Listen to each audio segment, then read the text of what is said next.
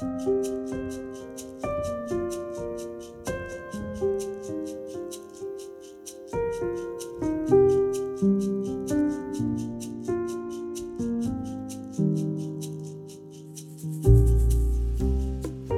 sies at det finnes tusen måter å si 'jeg elsker deg' på. Her er noen av dem. Jeg savner deg.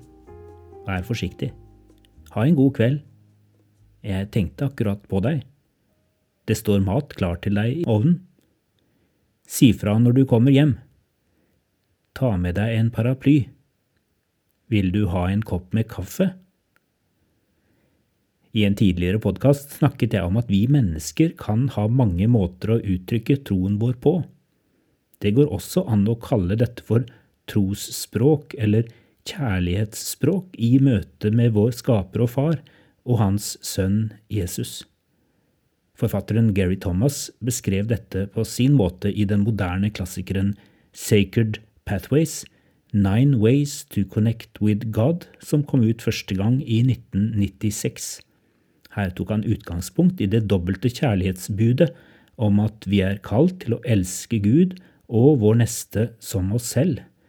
Så lister han opp ni ulike måter å elske Gud på, og mener at mennesker ofte vil ha en preferanse for en eller flere av disse.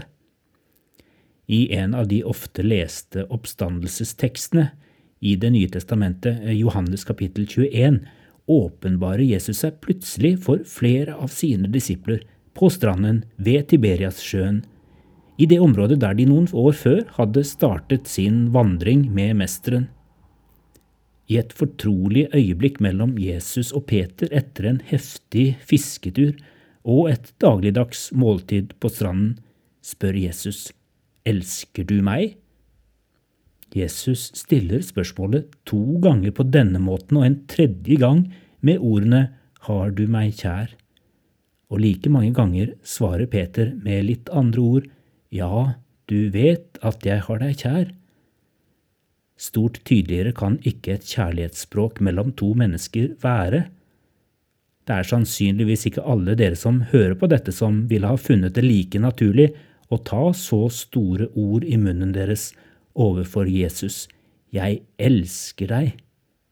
Og samtidig tror jeg fullt og fast at bare i denne fortellingen fra kapittel 21 kan vi finne gjemt en rekke andre av de nevnte tros- og kjærlighetsspråkene, som eksempel Gary Thomas beskrev i sin bok. Jesus både uttrykker sin kjærlighet, og disiplene får anledning til å vise den tilbake på svært så ulike måter. La oss gå litt på jakt i teksten. Vi nevnte sist gang at for mange mennesker er det lettere å kjenne Guds kjærlighet ute i naturen enn innendørs. Det har å gjøre med en viktig del av det å være typiske sansere. Sanserne tar inn Guds kjærlighet på en særlig måte gjennom sitt sanseapparat, gjennom syn, hørsel, lukt og berøring. Legg merke til at Jesus i denne fortellingen åpenbarer seg for disiplene utendørs. Mens de er ute og fisker, roper han til dem fra stranden. Det som skjer i det følgende, er uttrykk for et annet kjærlighetsspråk fra Gud gjennom Jesus Kristus, nemlig et mektig under som disiplene får anledning til å ta inn med hele sitt sanseapparat. På mirakuløst vis fylles garnet med fisk etter at de rett før har opplevd å ikke få noe.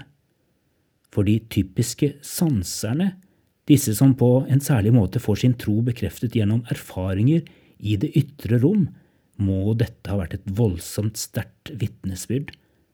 Det er da de forstår at det er Jesus som står der på stranden. Noen kloke mennesker vil ofte advare mot en altfor sterk opptatthet av ytre og sansbare erfaringer av Gud i vår verden.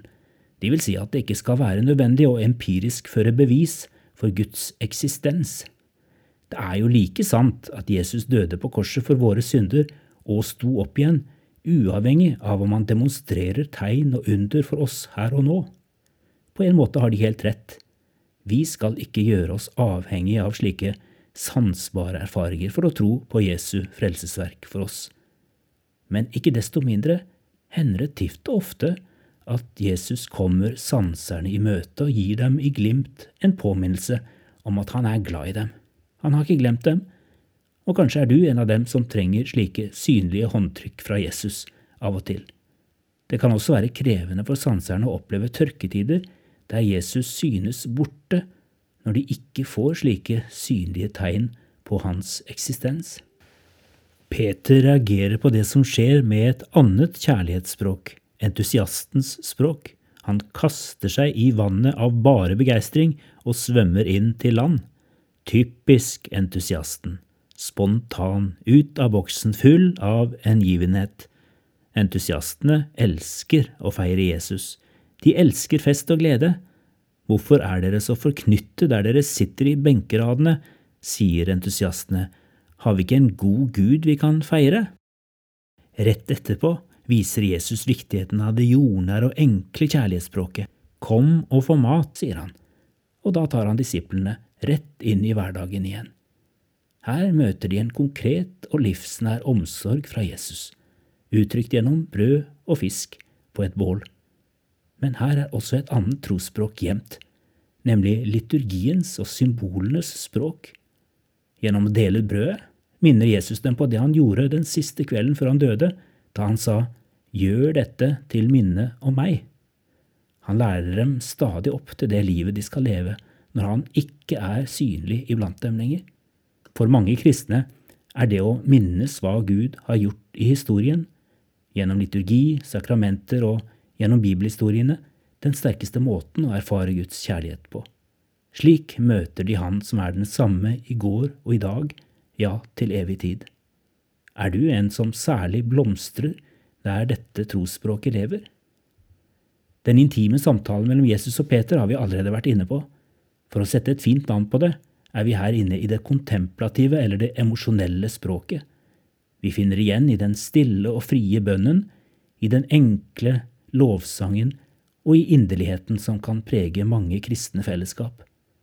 Men selv om Jesus ber om et gjensvar fra Peter, er det ikke først og fremst ordene hans som er viktige. De også, men det Jesus særlig ber om, er at Peter skal fø hans lam.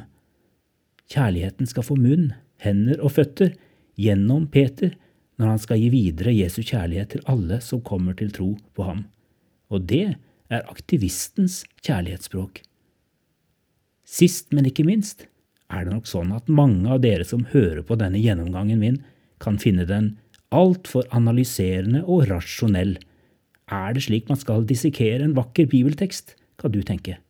Men andre av dere setter nettopp pris på å få undervisning til hodet og hjelp til ettertanke.